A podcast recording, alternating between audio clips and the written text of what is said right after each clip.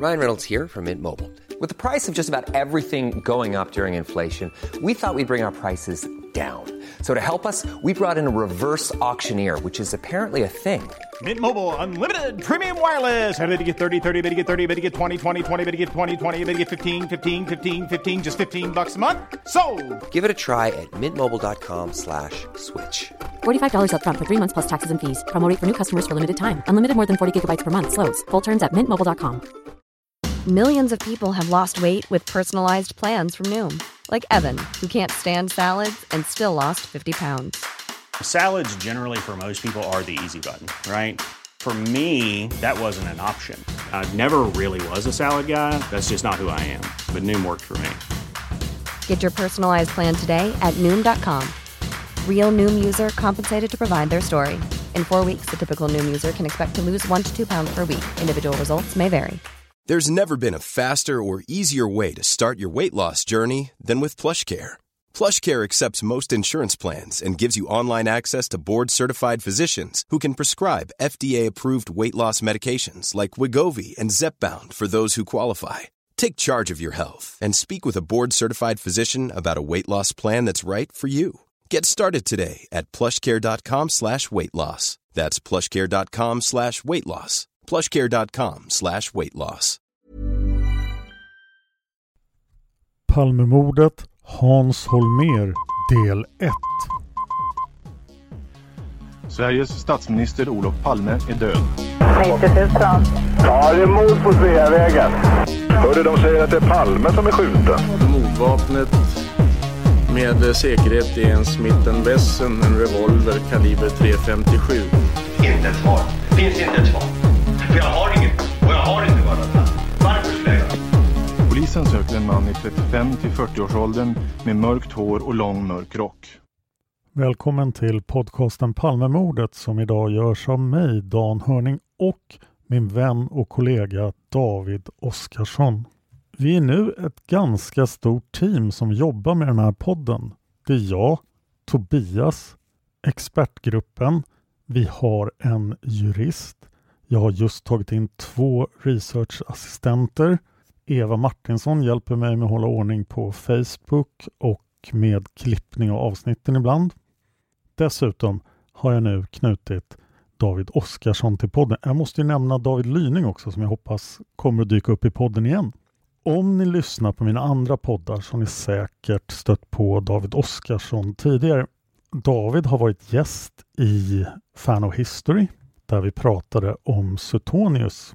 Men han är definitivt mest känd som manusförfattare för Seriemördarpodden och Massmördarpodden. David skrev serien om Ted Bundy som vi just gjorde på Seriemördarpodden. Han är också Seriemördarpoddens ERONS-redaktör. när vi pratar om Joseph DeAngelo, alltså The Golden State Killer. Och han har skrivit väldigt många avsnitt för Massmördarpodden och dessutom ännu fler avsnitt för Seriemördarpodden. I två år har jag indoktrinerat David och gjort honom till en Palmemordet intresserad människa. Han var med på Palmevandringen senast. Där kanske ni träffade på honom. Och ja, Palmevandringen 2021 är inställd på grund av covid-19. Vi diskuterade ett tag vad David skulle kunna göra för Palmemordet och då kom vi på att han skulle kunna djupdyka ett spår. Men det som mest påminner om vad vi gör i Seriemördarpodden och Massmördarpodden är att göra en personteckning. Och vem är intressantare att göra en personteckning av än Hans Holmér? Så David satt en hel månad och skrev fem avsnitt om Hans Holmér. De övriga fyra är fortfarande i ett redaktionellt stadie där jag sitter och anmärker på allting så att det ska bli korrekt och riktigt. Men här är Hans Holmér del 1. Allt det här hade inte gått att göra utan ert stöd på Patreon. Det är ert stöd på Patreon som gör att vi kan komma ut varje vecka. Patreon.com palmord. Ni kan allt det där. Men vi är oerhört beroende av ert stöd på Patreon. Oj, nu har jag pratat i tre minuter. Därför ska vi nu gå över till Hans Holmér. I det här första avsnittet går vi in på Hans Holmérs livshistoria fram till den 1 mars 1986. Men vi ska börja långt, långt innan dess. Vi ska börja den 23 september 1891. Den 23 september 1891 föddes den man som senare i sitt liv skulle utses till en av Sveriges stora grabbar och tjejer. Någon av er har säkert hört talas om den utmärkelsen men för er andra tänkte jag förklara för det är nödvändigtvis inte någonting man har koll på om man inte är väldigt sportintresserad. Så här säger svenska Wikipedia. Stora grabbars och tjejers märke, tidigare Stora grabbars märke, är ett hederstecken som sedan 1928 tilldelas framgångsrika utövare av olika sporter. För kvalifikation fordras att man uppnår fastställda minimipoäng genom deltagande i landskamper eller tävlingar som SM, EM, VM och OS. Fri entré på livstid till alla arrangemang inom den egna sporten ingår i utmärkelsen som tillkom på initiativ av Bo Ekelund. För att bli en stor grabb, snedstreck stor tjej, måste man få ihop ett visst antal poäng efter en särskild poängräkning. Och det hade alltså den här mannen som vi talar om lyckats med och han blev därmed tilldelad utmärkelsen retroaktivt år 1928 när han var 37 år gammal. Till hans största bragder kan vi räkna 10 stycken SM-guld fördelade på femkamp 1912 till 13, 1915, 1917 och 1920.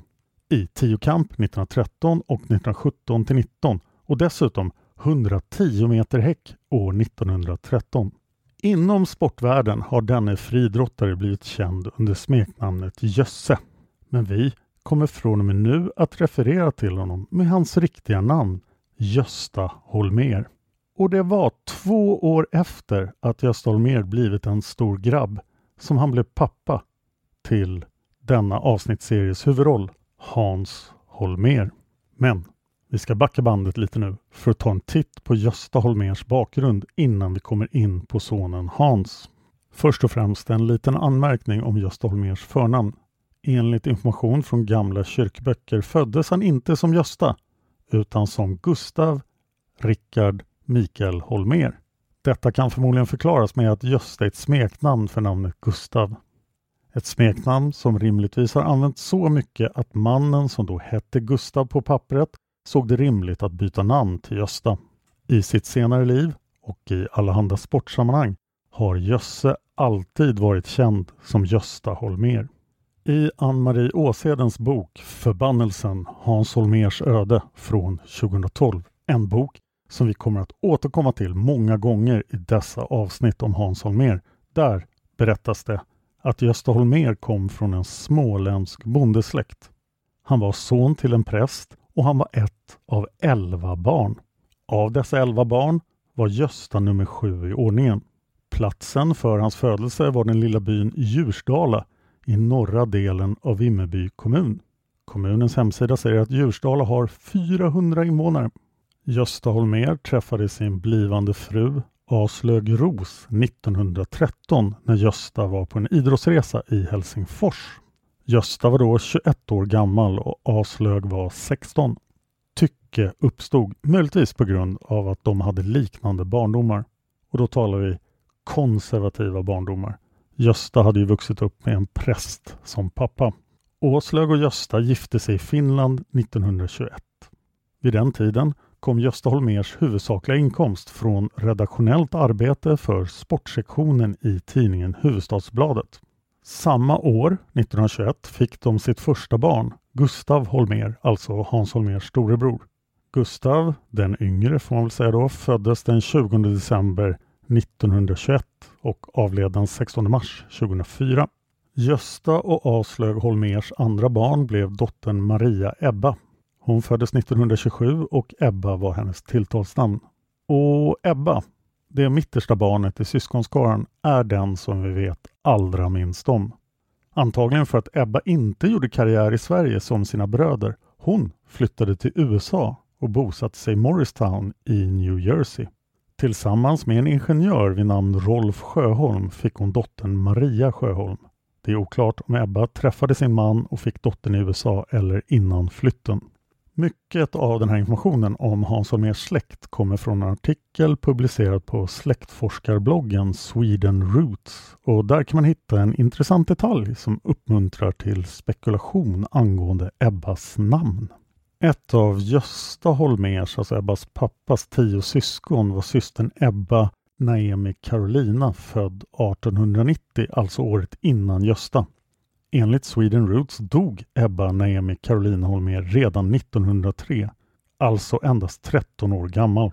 Det verkar då som att Gösta döpte sin första och enda dotter efter sin hädangångna syster som han uppenbarligen förlorade i mycket unga år. Exakt hur Gösta Holmérs syster Ebba dog, det vet vi inte. Men nu till vår avsnittsseries protagonist. Hans Gillis Åke Holmér föddes den 28 december 1930 i Stockholm. Vid den tiden bodde familjen, som alltså bestod av pappa Gösta, mamma Aslög, storebror Gustav och storasyster Ebba, på Rörstrandsgatan i Vasastan i Stockholm. Wikipedia uppger att adressen var Rörstrandsgatan 40 och även att det var på den adressen som Hans Holmér föddes. Skulle detta i så fall innebära att han föddes i hemmet? Ann-Marie Åshedens bok Förbannelsen anges som källa av detta påstående, men vi har inte kunnat hitta det påståendet i hennes bok. Just Rörstrandsgatan 40, specifikt gatunumret, nämns inte heller i Ann-Marie Åshedens bok. Men vi har hittat det på andra ställen, till exempel ett släktforskningsforum. Det finns en kuriosa angående adressen för Hans Holmers barndomshem som är värd att återge här. Olof Palme i egen hög person bodde med Lisbeth Palme på Rörstrandsgatan 35, bara några kvarter från Hans Holmers gamla hem. Makarna Palme bodde på adressen mellan 1950 och 1959. Det tidsspannet var alltså från att Hans Holmér var 20 till att han var 29 då han under de första sex åren främst ägnade sig åt studier. I vissa källor återges att paret Palme var nygifta vid den här tiden men det var först 1956 då de blev äkta makar. Så då hade de redan bott på adressen i sex år. Nu har vi redan nämnt Åseden och hennes bok Förbannelsen Hans Holmers öde och därför är det dags att ge en närmare beskrivning av vad det rör sig om för slags bok. Ann-Marie Åseden var en journalist som under Hans Holmers tid som spaningsledare fick möjlighet till exklusiva intervjuer med honom. Dessa gjordes oftast på Hans Holmers vanliga kontor och aldrig någonsin i det beryktade Palmerummet. Men det märks tydligt i Åsedens bok att hon och Hans Holmér kom varandra nära och hade en öppenhjärtig relation i vilken Hans Holmér utan omsvep kunde lätta på hjärtat. Inte nödvändigtvis med en massa intrikata detaljer han berättade gång på gång för Åseden om sina känslor inför olika utvecklingar i Palmeutredningen. Vi kommer att få många fler tillfällen att redovisa deras samtal. Åter till berättelsen om Hans Holmér. Vi vet tyvärr ganska lite om Hans uppväxt. Relationen syskonen sinsemellan verkar vara totalt odokumenterad. Det som dock nämns i vissa källor är att patriarken Jösse ska ha varit ganska sträng. Det verkade råda en viss avsaknad av värme mellan honom, Aslög och de tre barnen. Ett av Åsedens mest målande exempel på detta är hur de idrottselever som Jösse undervisade, däribland fridrottaren och långdistanslöparen Gunder Hägg, de eleverna hade tillåtits att dua Jösse medan hans barn var tvungna att nia både honom och sin mamma. Men det finns även uppgifter om en viss syskonrivalitet mellan Hans och hans storebror Gustav. Enligt Åsheden sågs Gustav Holmer som den begåvade i syskonskaran och den som skulle sätta familjens namn på kartan. Och mycket riktigt skulle Gustav göra akademisk karriär som professor i romanska språk. Åsheden nämner i en mening att Gustav Holmer lustigt nog var hennes egen lärare i spanska när hon gick sista året på gymnasiet. Åsedens beskrivning av Gustav Holmer var att han var citat spikrak i ryggen och citat en mycket duktig lärare. Vad eh, spikrak i ryggen egentligen vittnar om kan diskuteras men man skulle kunna tänka sig att han var en ytterst disciplinerad och ordentlig man. Möjligtvis en man som stöpt sitt hushåll där endast yrkesmässiga och akademiska framgångar leder till bekräftelse från föräldrarna. Hans Holmér bedrev sina gymnasiestudier på Högre allmänna läroverket för gossar och Norrmalm. Detta var vad Norra Latin på Norrmalm i Stockholm hette vid tiden för Hans Holmérs studier. Som namnet vittnar om var det en skola endast för manliga studenter. Kvinnliga studenter fick studera vid Norra Latin först 1961 och det var mer än tio år efter det att Hans Holmér hade avlagt sin studentexamen. Det gjorde han 1950. Han var då 20 år gammal. En anledning till att Hans Holmér redan hade nått åldern 20 år var att han hade fått gå om ett år. Notera att det här var sent 40-tal, tidigt 50-tal. På den tiden var det inte tal om att man fick ta studenten om man inte var godkänd i sina stipulerade skolämnen. Och Hans Holmér misslyckades dessvärre med en svensk skrivning där han hade valt deckarförfattaren Stig Trenter som ämne. Enligt Hans Holmér själv blev han kuggad för att läraren inte tyckte om honom. Det faktum att Hans Holmér hade misslyckats och fick gå om ett helt år i skolan, det var ingenting som sågs med blida ögon i hans barndomshem på Rörstrandsgatan 40. Men 1950 var Hans Holmér klar med gymnasiet och han påbörjade militärtjänstgöring på arméns jägarskola i Kiruna. Han gjorde sin militärtjänstgöring, han gick vidare som kadett och han blev sedermera kapten. Och efter det, eller under det, så går uppgifterna lite isär men vi ska försöka sy ihop det här. En uppgift säger att Hans Holmér började arbeta som polis 1952. Det var under den perioden som han fick sitt första barn, dottern Pia Holmér som föddes 1954. Pias mamma var Hans Holmérs flickvän Kerstin Karlsson. Kerstin var född 1931. Åren 1955 till 56 tog Hans Holmér en polischefskurs i Solna. Eller som flera källor beskriver det, en landsfiskalkurs.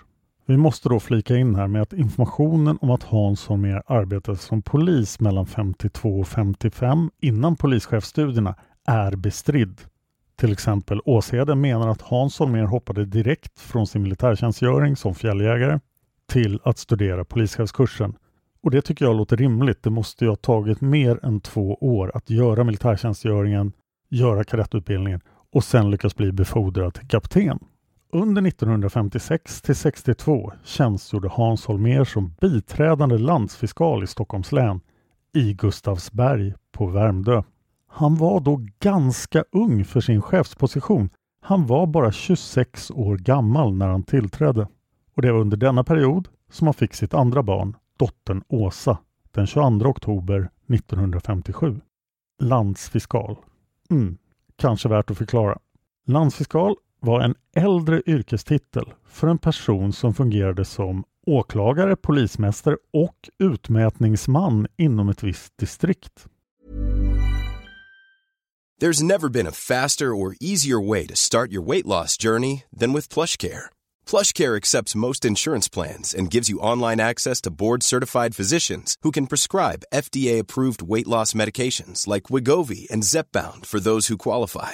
Take charge of your health and speak with a board-certified physician about a weight loss plan that's right for you. Get started today at plushcare.com slash weight loss. That's plushcare.com slash weight loss. plushcare.com slash weight loss. If you thought the only way to get a more defined jawline with natural-looking results was through surgery, think again. Juvederm Volux XC is a non-surgical injectable gel filler that improves moderate to severe loss of jawline definition and can help you achieve natural-looking results with little downtime. Even better, this improved definition lasts up to one year with optimal treatment. No maintenance required. Improve jawline definition for a smooth, sculpted look with Juvederm Volux XC. For important safety information and to find a licensed specialist, visit juvederm.com. That's J U V E D E R M.com. Not for people with severe allergic reactions, allergies to lidocaine, or the proteins used in Juvederm. Common side effects include injection site redness, swelling, pain, tenderness, firmness, lumps, bumps, bruising, discoloration, or itching. There's a risk of unintentional injection into a blood vessel, which can cause vision abnormalities, blindness, stroke, temporary scabs, or scarring. Talk to a licensed specialist to find out if it's right for you. This is Paige, the co-host of Giggly Squad, and I want to tell you about a company that I've been loving, Olive and June. Olive and June gives you everything that you need for a salon quality manicure in one box. And if you break it down, it really comes out to $2 a manicure, which is absolutely insane. It's also so easy to get salon worthy nails at home with Olive and June. The difference between how your nails used to look when you did them yourself and now with the Manny system is a complete game changer. The best thing about Olive and June too is it's a quick dry, dries in about one minute, lasts for five days, and full coverage in up to one to two coats. Visit oliveandjune.com slash perfectmanny20 for 20% off your first system. That's oliveandjune.com slash perfectmanny20 for 20% off your first system. Landsfiskalen ansvarade för ett distrikt citat på landet. Områden som omfattades av landsrätt. Till skillnad från till exempel stadsfiskalen som utförde samma sysslor som landsfiskalen fast i staden. Yrket landsfiskal avskaffades 1965. År 1962 avlade Hans Holmér juristexamen vid Stockholms universitet och han gjorde sin tingstjänstgöring 1963 till 64. Det var också 1963 som Hans Holmér gifte sig med mamman till sina döttrar Kerstin Karlsson som då blev Kerstin Holmér. 1965 började Hans Holmér arbeta som kammaråklagare i Stockholm fram till 1966. Det året, 66, började han nämligen arbeta som byråchef i Rikspolisstyrelsen. Hans ansvarsområden var huvudsakligen ekonomi, budget och juridik. Hans Holmér var en övertygad socialdemokrat och har inte publikt skyltat med någon annan trosbekännelse innan eller efter sina olika ämbeten. Fyra år senare, 1970, skulle Hans ta ett stort karriärsteg när han blev chef för svenska säkerhetspolisen, alltså Säpo. Det var under Hans tid på Säpo som hans mamma Aslög Holmer, tidigare Ros, dog den 18 november 1972, 74 år gammal. Vid sidan av sin yrkeskarriär ska det sägas att Hans Holmer aldrig släppte arvet från fadern, det vill säga intresset för sport. Hans Holmér spelade handboll, bandy, fotboll och ishockey. Han tävlade dessutom i tiokamp, som sin pappa, och körde Vasaloppet. Hans Holmér började åka Vasaloppet 1968 och han skulle åka Vasaloppet oavbrutet varje år i 17 år ända fram till 1986 som alltså skulle ha blivit hans 18 Vasalopp. Varför han inte åkte Vasaloppet 86 det är nog ingen överraskning för någon som lyssnar på den här podden. Hans Holmér var Säpochef i sex år fram till 1976 då han blev Stockholms polismästare. Men vi ska inte gå händelserna i förväg. Faktum är att det finns en hel del att berätta om Hans Holmérs tid på Säpo. Det var nämligen då han blev god vän med Nils Ebbe Knut Karlsson, född 47, död 92 denne mystiske bokförläggare som sedermera skulle namnge skandalen Ebbe Carlsson-affären 1988 när det visade sig att han utan några som helst befogenheter hade gjort någonting, kanske utrett det som kom att kallas för Hans Holmers huvudspår PKK. Det var dessutom under sin tid som Säpochef som Hans Holmer etablerade en kontakt med statsminister Olof Palme. När Olof Palme och Hans Holmér sågs för första gången var Palme Sveriges statsminister. Men man måste komma ihåg att Palme hade två ämbetsperioder. Han var statsminister från 69 till 76 och efterträdde då Tage Erlander. Men 1976 blev Torbjörn Fälldin från Centerpartiet statsminister. Palme återfick posten 1982. Men under Holmers tid som Säpochef var Palme alltså statsminister från början till slut 70 till 76. Det är e regeringen som tillsätter Säpochefer.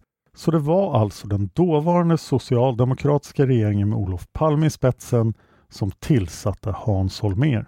Olof Frånstedt skriver i sin bok Spionjägaren del 2 att Hans Holmér fick chefstjänsten på Säpo för att han hade varit så duktig på att hålla budgeten, ett av Holmers ansvarsområden, under sin tid som byråchef vid Rikspolisstyrelsen. Hans Holmér efterträdde Per-Gunnar Winge som hade varit Säpos allra första chef åren 1964 till 1970. Det är lite förvirrande att påstå det eftersom Säpo är äldre än så men vi antar att det är för att myndigheten har gått igenom så många namnbyten. Wikipedia säger att Säpo inte kallades för Säpo förrän 1989. Men eh, väldigt få källor och böcker respekterar det. Säkerhetstjänsten hade alltså haft andra chefer innan PG Winge. Olof Frånstedt skriver om Holmer och hos Frånstedt växer bilden av Holmer som inkompetent, lismande och macho fram. Ett citat från Frånstedts bok som är värt att återge är följande. Citat. Holmer hade verkligen inte kläm på allt i Säpos verksamhet. Han fick kämpa för att få veta vad som egentligen pågick. Enligt Frånstedt var Holmer synnerligen angelägen om att ha god kontakt med Olof Palmes regering och det kan peka på att relationen mellan Hans Holmer och Palme var just god. Palmes tidigare relation till Säpo hade inte varit god enligt Frånstedt för att 1. Palme slukade rykten om Säpo som en frihetsberövande och oetisk organisation med suspekta utlandskontakter med hull och hår och 2 för att Säpo inte stod på god fot med IB, alltså underrättelsetjänsten som Socialdemokraterna själva hade byggt upp. Vi återkommer till IB alldeles strax och kanske även i framtida avsnitt. Troligt är att Hans Holmers tid som chef på Säpo var spänd då det var många som ansåg att den tidigare chefen PG Winge hade blivit orättvist avsatt av Olof Palme. Grunderna ska ha varit lösa Bland annat ska Palme ha blivit upprörd över att Vinge vid ett tillfälle hade sagt citat ”Den där Palme, han är ingen att lita på”. Det skulle senare visa sig inte vara sant.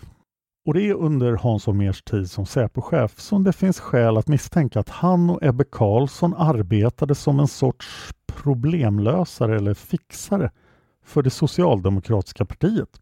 Det nämns i flera böcker, till exempel i Gunnar Walls Mordgåtan, att Hans Holmér var särskilt uppskattad av den dåvarande regeringen för sin lojalitet. Det finns tre stycken händelser med radarparet Holmér och Ebbe som är extra värda att nämna. Och de tre händelserna är 1. Säpos avlyssning av SKP, Sveriges kommunistiska parti. 2. Sjukhusaffären eller sjukhusspionaffären. Och 3. Geijeraffären. Samtliga av de här händelserna förtjänar sitt eget avsnitt och jag kan tänka mig att göra sådana avsnitt om ni vill höra dem. Men nu ska vi ta de här tre sakerna rätt kort. Först Säpos avlyssning av SKP, Sveriges kommunistiska parti. Det fanns en utpräglad kommunistskräck i Sverige runt 1975. Av den anledningen telefonavlyssnar Säpo Sveriges kommunistiska parti. Specifikt tidningen som partiet ansvarar för. Gnistan eller ML Gnistan som den hette från början. När det här rättsövergreppet uppdagades för allmänheten var det Hans Holmér och Ebbe Carlsson som fick i uppgift att utreda saken, om nu utreda är rätt ord. Detta gjorde de i oktober 1975. Den andra händelsen var sjukhusaffären. Samma månad, oktober 75, var Hans Holmér och Ebbe Carlsson inblandade i en annan rättssäkerhetsskandal, den så kallade sjukhusaffären.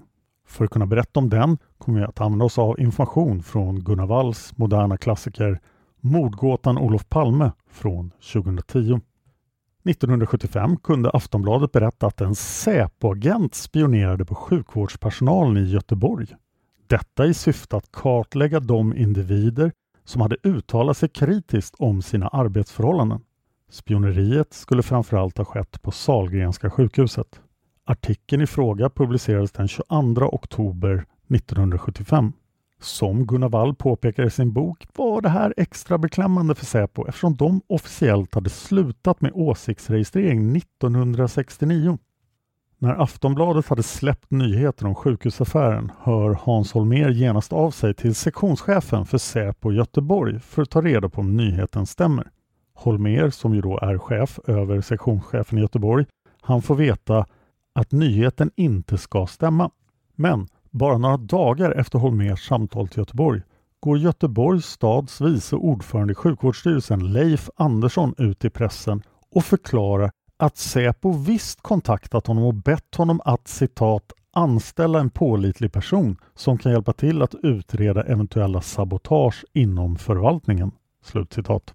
Sveriges dåvarande justitieminister Lennart Geijer går ut i pressen med en dementi efter att ha fått info från Hans Holmér om att Säpo inte har någonting med den här saken att göra. Hans Holmer får kort därefter ett telefonsamtal från sjukvårdsstyrelsens Leif Andersson. Andersson är mäkta upprörd och försöker övertyga Holmer om att Säpo ska ta på sig ansvaret i sjukhusaffären. Men det örat vill inte Holmer lyssna på. Då Andersson avvisas av Holmer vänder sig Andersson till Ebbe Karlsson. Vad Leif Andersson och Ebbe Karlsson säger till varandra över telefon vet vi inte. Men redan dagen efter åker Ebbe till Göteborg för att prata ut om saken ansikte mot ansikte med Andersson. Under detta besök får Ebbe Karlsson dessutom träffa huvudrollen i sjukhusaffären, spionen själv. Det är en ung man vid namn Jan Lindqvist. Det framkommer i detta möte att Jan Lindqvist har kopplingar till den hemliga underrättelsetjänsten IB och det får Ebbe att reagera. Ebbes mening är att saken nu måste upp på regeringsnivå samt att Säpo måste ta på sig ansvaret. Kort om IB. IB var en hemlig underrättelseorganisation, rent hierarkiskt underställd försvarsstaben. Exakt vad IB står för är omtvistat, men förslagen som finns är bland annat Informationsbyrån eller Inhämtning Birger. Birger efter organisationens första chef Birger Elmer. IBs främsta uppgift var att kartlägga vänsterradikalism eller rent ut sagt kommunism. Detta gjordes både inrikes och utrikes. IBs existens kom till allmänhetens kännedom 1973 när journalisterna Jan Guillou och Peter Bratt gjorde ett reportage om organisationen i tidningen Folket i bild. Både Guillou och Bratt fick 1974 fängelse för att de citat obehörigen anskaffat uppgifter om rikets försvarsverk och befordrat dem till tryck. Slutcitat. Jan Guillou satt tio månader av sitt straff medan Bratt satt tolv. Åter till sjukhusaffären.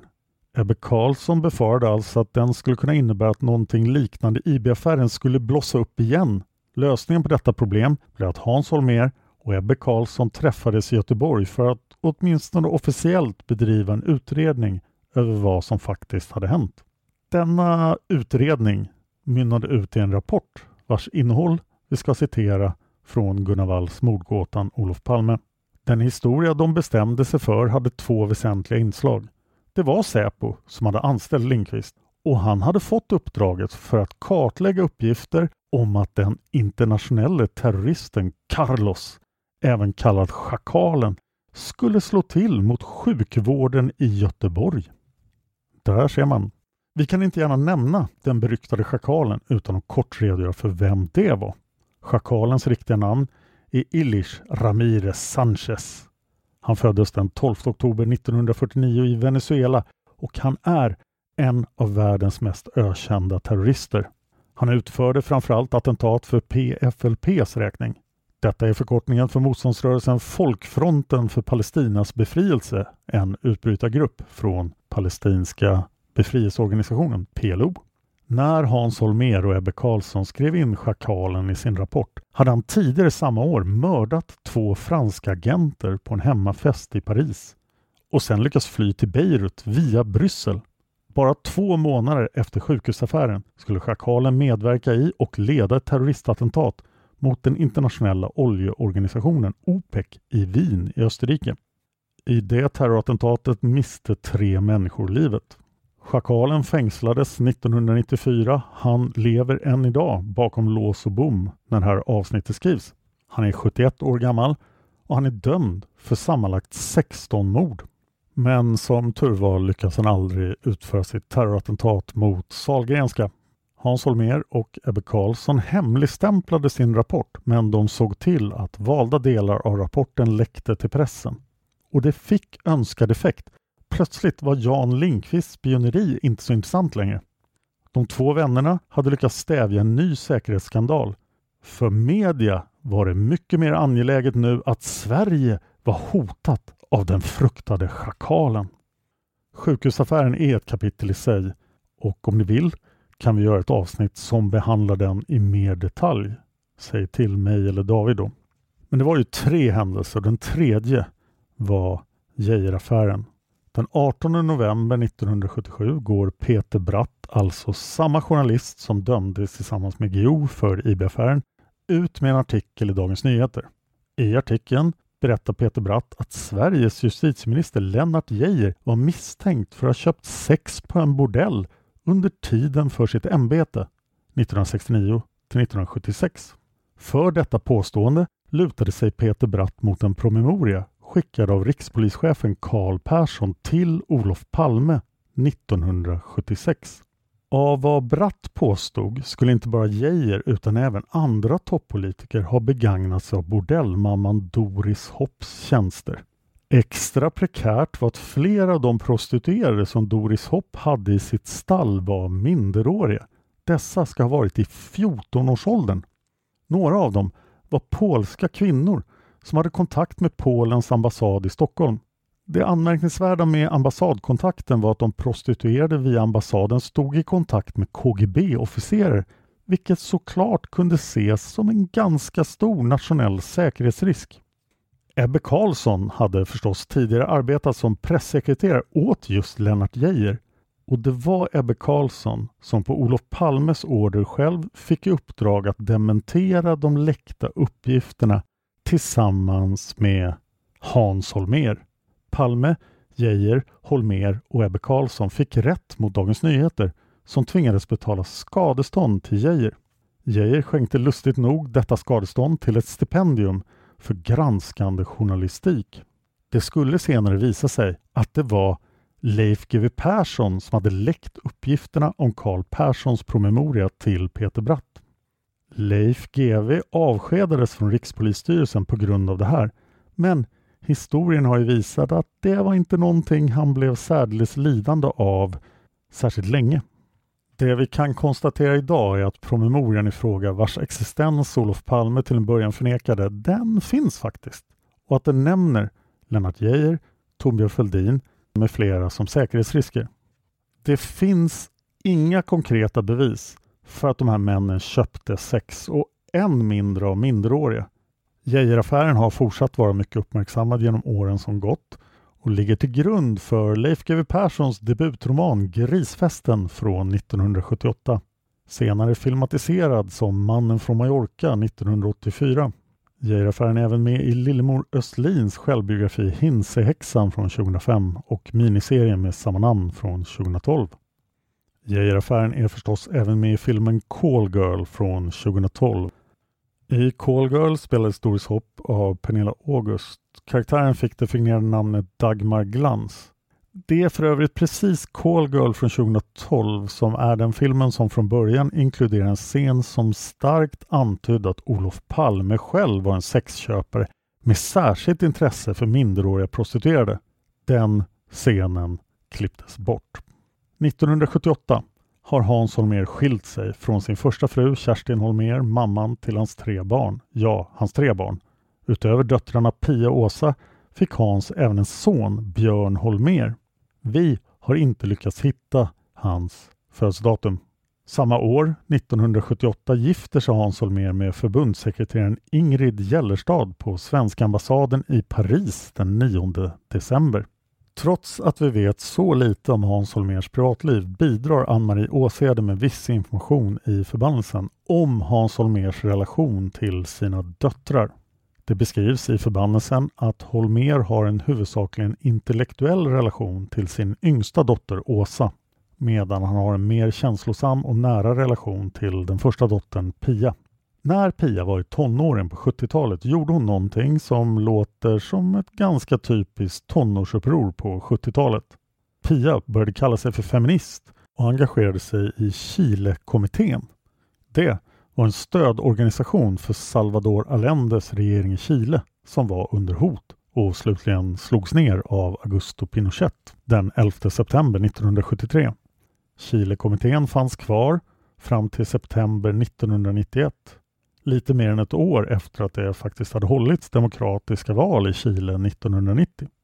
Det säger kanske sig själv att Hans Holmér var en ganska optimal pappa att göra uppror mot som dåvarande Säpochef och polisiär tjänsteman. Staten vann inte direkt några popularitetspoäng hos de unga politiskt medvetna på 70-talet.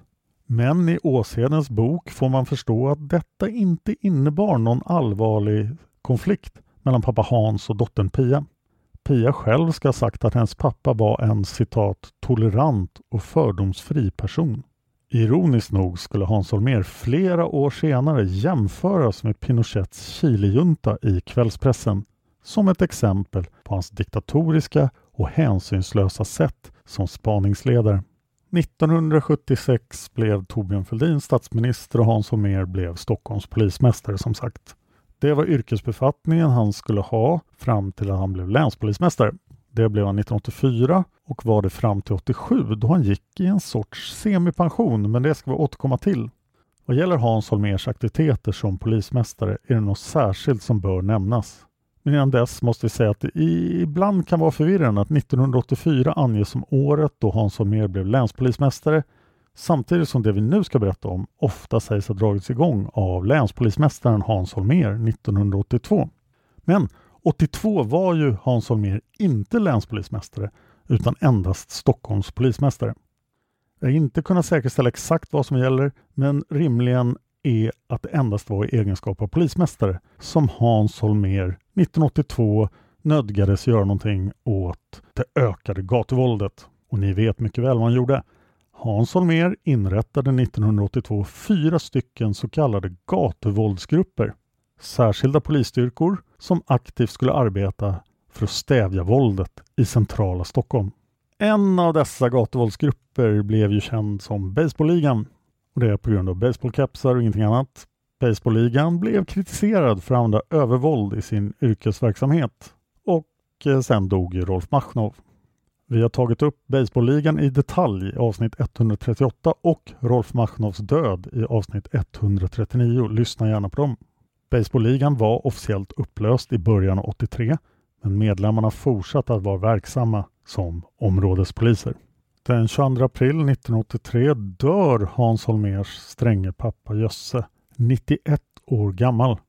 Gösta Holmer fick alltså aldrig bevittna det historiska skeendet som hans yngsta son skulle bli en viktig figur i. Man kan bara spekulera i hur Gösta hade reagerat på eh, när Hans Holmer blev årets svensk. Åsheden gör i förbannelsen en kort analys av hur hon kunde få för sig att Hans Holmer alltid stod i skuggan av sin pappa och att han hade ett inneboende behov av att imponera på honom. I så fall är det ganska tragiskt att Jösse inte fick se någon bli den i början folkkäre huvudrollen i utredningen om mordet på Sveriges statsminister.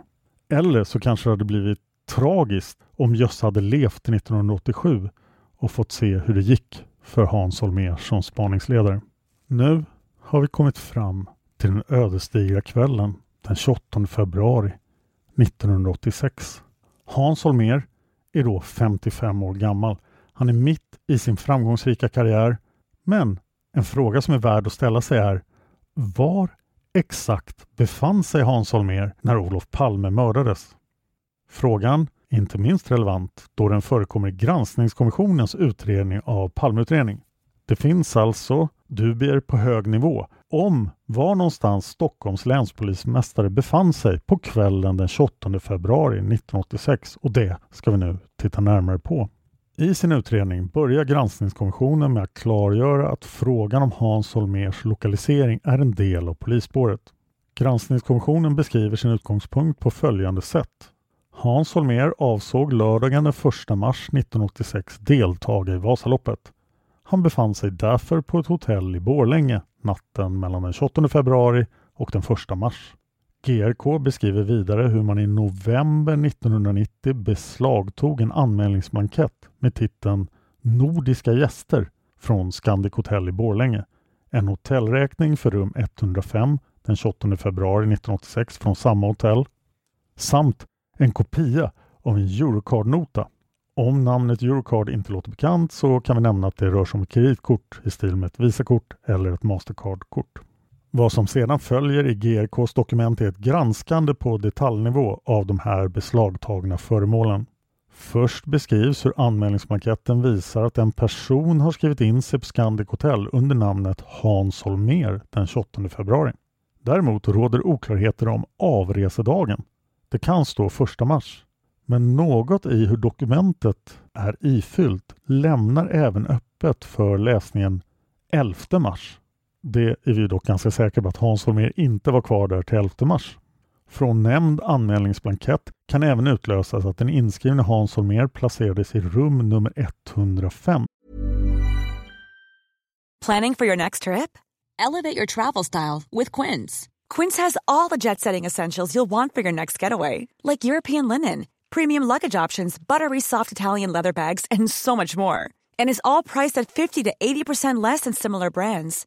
Plus, Quince only works with factories that use safe and ethical manufacturing practices. Pack your bags with high-quality essentials you'll be wearing for vacations to come with Quince. Go to quince.com/pack for free shipping and 365-day returns. Here's a cool fact. A crocodile can't stick out its tongue. Another cool fact, you can get short-term health insurance for a month or just under a year in some states. United Healthcare short term insurance plans are designed for people who are between jobs, coming off their parents' plan, or turning a side hustle into a full time gig. Underwritten by Golden Rule Insurance Company, they offer flexible, budget friendly coverage with access to a nationwide network of doctors and hospitals. Get more cool facts about United Healthcare short term plans at uh1.com. Even when we're on a budget, we still deserve nice things. Quince is a place to scoop up stunning high end goods for 50 to 80% less than similar brands. They have buttery soft cashmere sweaters starting at $50, luxurious Italian leather bags, and so much more. Plus, Quince only works with factories that use safe, ethical, and responsible manufacturing. Get the high-end goods you'll love without the high price tag with Quince. Go to quince.com/style for free shipping and 365-day returns. Även hans Stockholmsadress och hans telefonnummer finns angivna. På tidigare nämnd hotellräkning framkommer det tydligare att Hans Holmérs ankomstdag var den 28 februari och att hans avresedag var den 1 mars. Eurocard-notan indikerar att den inskrivne Hans Holmér betalade för sin hotellvistelse den 1 mars. Notan är undertecknad av en person som angivit initialerna EB. I slutet av november 1990 hölls ett förhör med en kvinna vid namn Elisabeth F. Hon var den som arbetade i receptionen 1986 vid tiden för Hans Holmers inskrivning. Elisabeth bekräftade det som hade varit känt sedan tidigare, att mannen som hade skrivit in sig som Hans Holmer kom ner från sitt rum till receptionen klockan 07.30 den 1 mars 1986. Elisabeth frågade då mannen om han hade hört att Sveriges statsminister hade blivit mördad. Enligt Elisabeth F hade inte mannen hört talas om detta och blev så förskräckt av nyheten att han genast gick iväg och ringde ett samtal. GRK konstaterar att Elisabeth F inte kände igen mannen som Hans Holmer. Det är kanske inte så överraskande för han hade ju inte blivit den rikskände spaningsledaren än. Elisabeth F bekräftar att EB på Eurocard-notan var hennes signatur. För när Hans Holmer var på Scandic Hotel hade hennes efternamn börjat just på bokstaven B. GRK skulle dock gå så långt som att begära en skriftprovsundersökning av Elisabeth F signatur för att verkligen säkerställa sig om att den var hennes. Statens kriminaltekniska laboratorium undersökte det här och deras utlåtande blev att det inte gick att säga säkert att signaturen tillhörde Elisabeth F. Men lika lite fanns det särskilda skäl att tro att någon annan hade skrivit den. Men GRK ansåg att det fanns ytterligare en besynnerlighet att ta i beaktning. Eurocard-notan för Holmers betalning för rummet var ställd den 1 mars 1986. Däremot var samma nota maskinstämplad med datumet den 28 mars. Varför hade en nota betalad den 1 mars en felaktig datumstämpel? Svaret skulle komma från Scandic Hotels dåvarande receptionschef. Denne kunde förklara att datumet i maskinstämpeln alltid ställdes in manuellt och att det oftast hände lite senare på förmiddagen. Holmer var alltså tidigt ute med sin betalning för hotellrummet några timmar innan den manuella datumomställningen hade gjorts. Receptionschefen kunde bekräfta EB som Elisabeth F signatur, liksom en kontorist på hotellet som också förhördes. GRKs avslutande och sammanfattande anmärkningar är värda att citera i sin helhet. Citat. Det har egentligen aldrig funnits något skäl att i mordutredningen närmare efterforska var dåvarande länspolismästare Hans Holmér befann sig på mordkvällen. Inget pekar på att han har haft med mordet att göra. Allt talar för att det förhåller sig så som han uppgett inför juristkommissionen och i andra sammanhang. Det vill säga att han befann sig på annan ort på fredagskvällen och att han begav sig till Stockholm med egen bil så snart han hade fått reda på vad som hade hänt.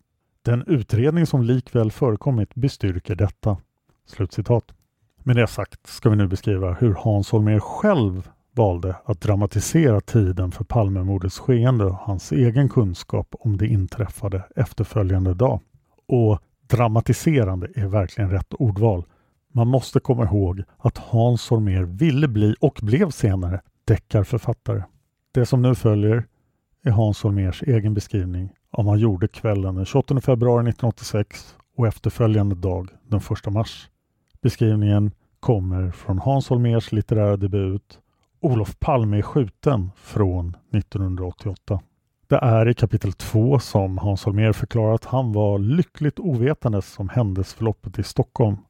Han befann sig på Scandic Hotel i Borlänge på väg till Sälen för att åka sitt 18 Vasalopp i rad. Han hade lämnat Stockholm vid middagstid. Hans Holmér var inte ensam på sin resa. Med sig hade han sin dåvarande flickvän Åsa Kylén som långt senare skulle bli hans tredje fru.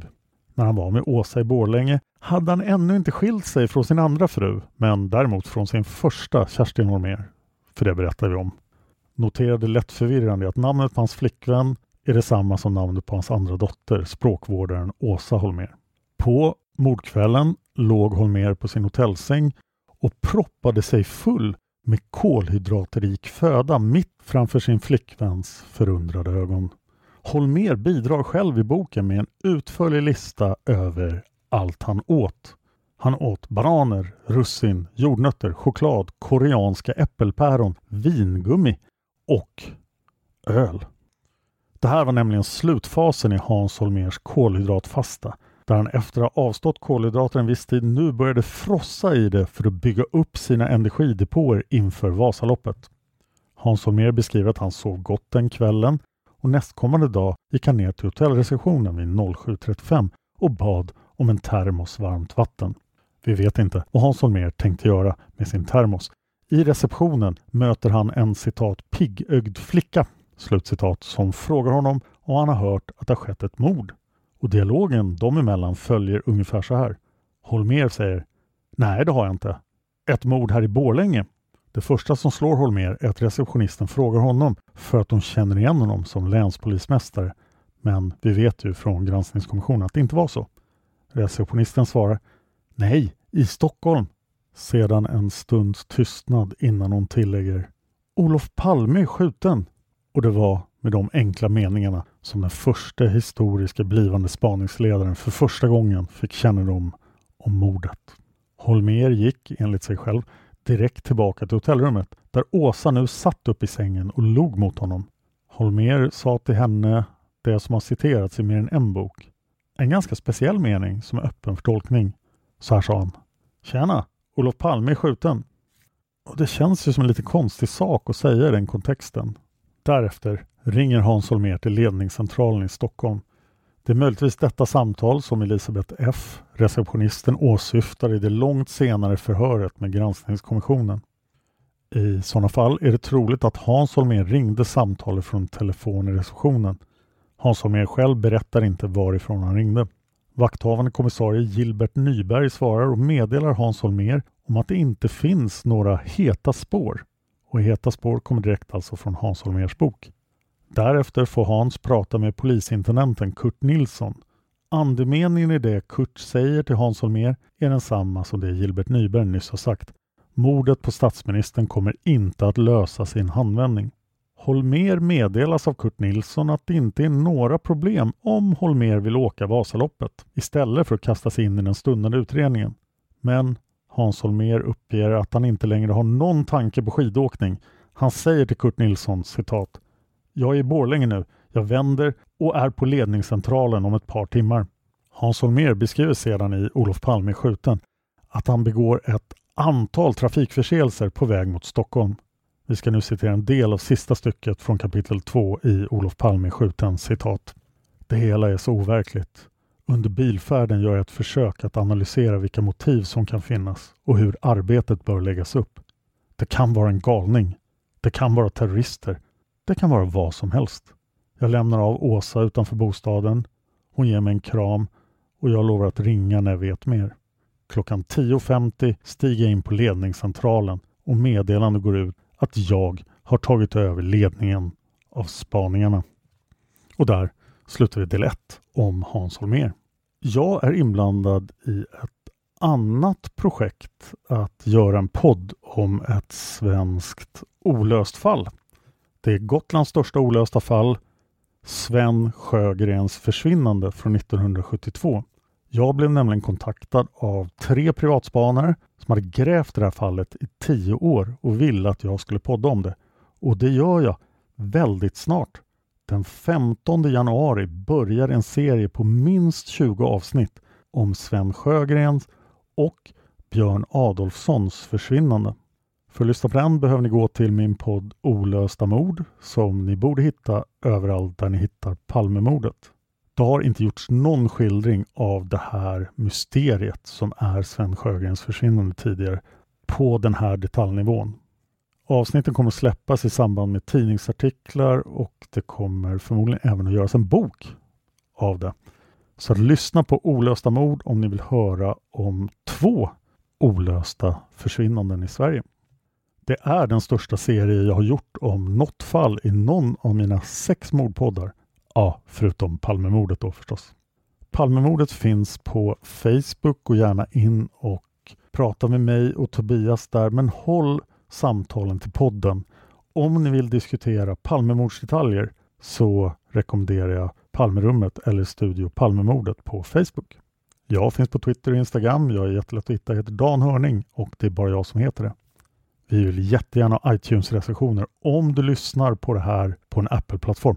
Då vill jag för övrigt att du lyssnar på Olösta mord på en Apple-plattform också. Det skulle vara jättebra. Men lyssnar du på en Apple-plattform, ge oss iTunes-recensioner. Jag kommer att läsa dem i podden. Tack till alla som sponsrar Palmemordet på Patreon. Jättetack till er. Det är därför vi har kunnat dra igång den här serien om Hans Holmér. Hoppas ni gillar den. Ser fram emot att höra vad ni tycker. Tack till Lukas för musiken. Tack till expertgruppen, vår jurist och researchassistenter. Tack till David Oskarsson som har skrivit det här manuset. Och tack till dig för att du lyssnar på Palmemordet. Man hittar Palmes mördare om man följer PKK-spåret till botten. Därför att ända sedan Julius Caesars tid har det aldrig hört talas om ett mord på en framstående politiker som inte haft politiska skäl. Polisens och åklagarens teori var att han ensam hade skjutit Olof Palme. Och det ledde också till rättegång. Men han frikändes i hovrätten. Nu ska vi ut på rövarstråt. jag viskar ut och röva.